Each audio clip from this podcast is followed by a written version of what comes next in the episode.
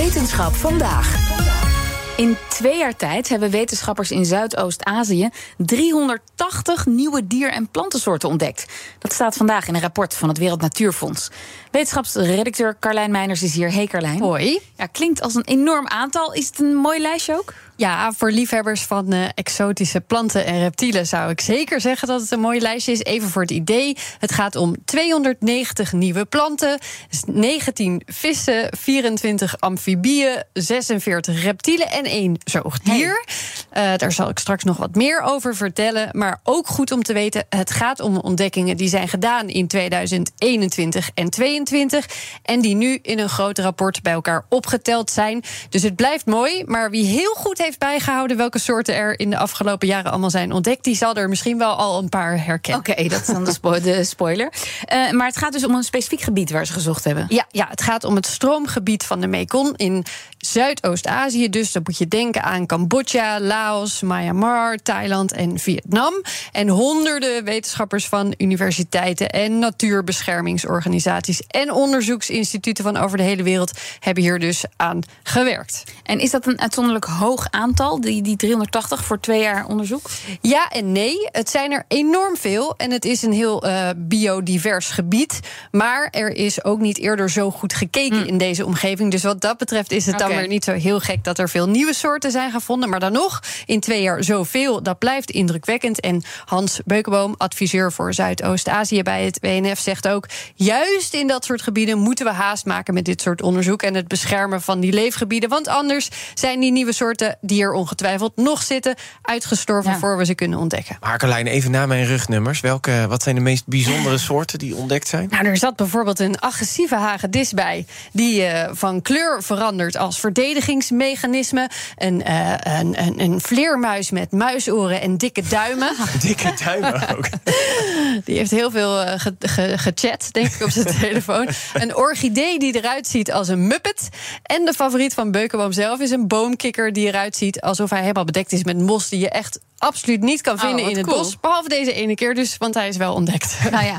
En uh, ja, nieuwe soorten, dat spreekt voor zich. Maar wat is het nut van zo'n optelsom maken om, die, om, die, om zo'n cijfer te publiceren? Ja, ik denk dat het vooral laat zien dat we in sommige gebieden nog zo ontzettend veel niet weten belangrijk is om te zien dat het ecosysteem, de omgeving, is een ingewikkeld systeem. Elk radertje telt, telt mee.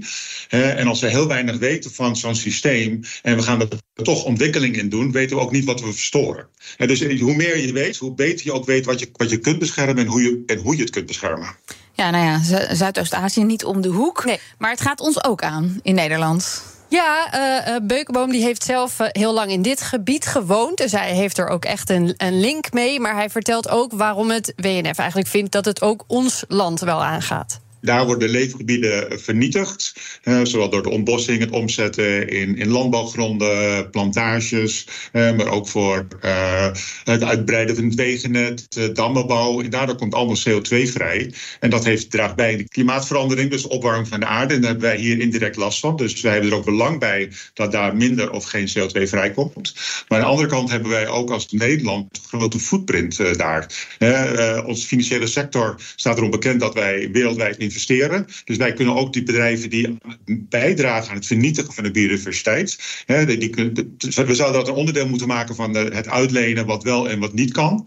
Wij importeren ook producten vanuit de, de regio. En die producten kunnen, bijdragen aan het vernietigen van het leefgebied uh, van de diersoorten en andere soorten in dat gebied. Dus wij dragen dan ook, door wij die producten consumeren en gebruiken, dragen wij ook indirect bij aan het vernietigen van het gebied en het vernietigen van de biodiversiteit in het stroomgebied van de Mekong.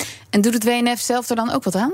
Dat, dat proberen ze in ieder geval wel. Onder andere door, nou ja, je hoort al een beetje door hier bedrijven en overheid te wijzen op verantwoordelijkheden. Onszelf als consumenten ook, maar ook door te kijken wat is daar mogelijk. Wat is een werkbare situatie? Ook de mensen die in die omgeving wonen. Hoe past dat allemaal zo goed mogelijk in elkaar? Naar welke initiatieven gaat dat geld dan bijvoorbeeld? En kunnen we bepaalde dingen misschien ook voorkomen? Zoals dus het verlies van soorten en hun leefomgeving. Ja, ja, ja. En er is uh, natuurlijk vaak sprake van iets moeten herstellen omdat het eigenlijk al misgegaan is.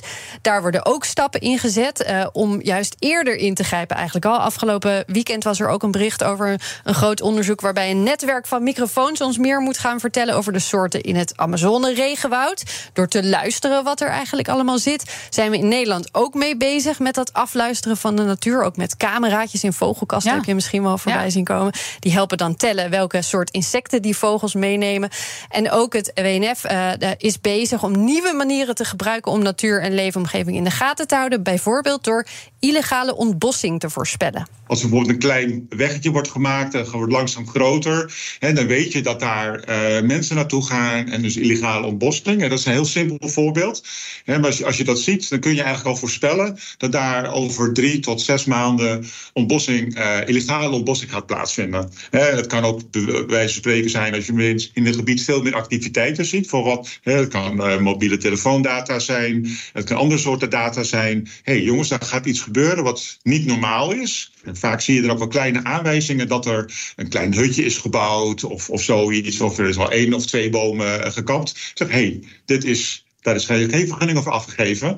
Uh, dus we kunnen gaan voorspellen dat er ontbossing gaat plaatsvinden. En dan moet je natuurlijk ter plekke uh, besluiten of iets illegaal is of niet. Ja, het kan dus grotendeels automatisch inmiddels met satellietdata en computermodellen die een seintje geven. In Laos gaan ze hier binnenkort een pilot meedoen. Ook om te kijken hoe kun je dit dan doen samen met die overheden daar. Uh, om dus dat gebied van die nieuwe soorten, waaronder de orchidee die eruit ziet als een muppet. Ik denk dat dat mijn favoriet is. Moet je maar even opzoeken.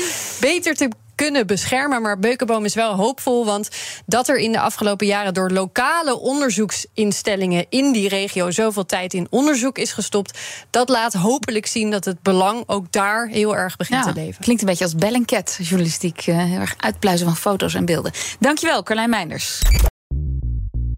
Bij BNR ben je altijd als eerste op de hoogte van het laatste nieuws. Luister dagelijks live via internet. Bas van Werven. En heel langzaam komt de zon op rond dit tijdstip. Je krijgt inzicht in de dag die komt op BNR, het Binnenhof in Nederland en de rest van de wereld. De Ochtendspits. Voor de beste start van je werkdag. Blijf scherp en mis niets.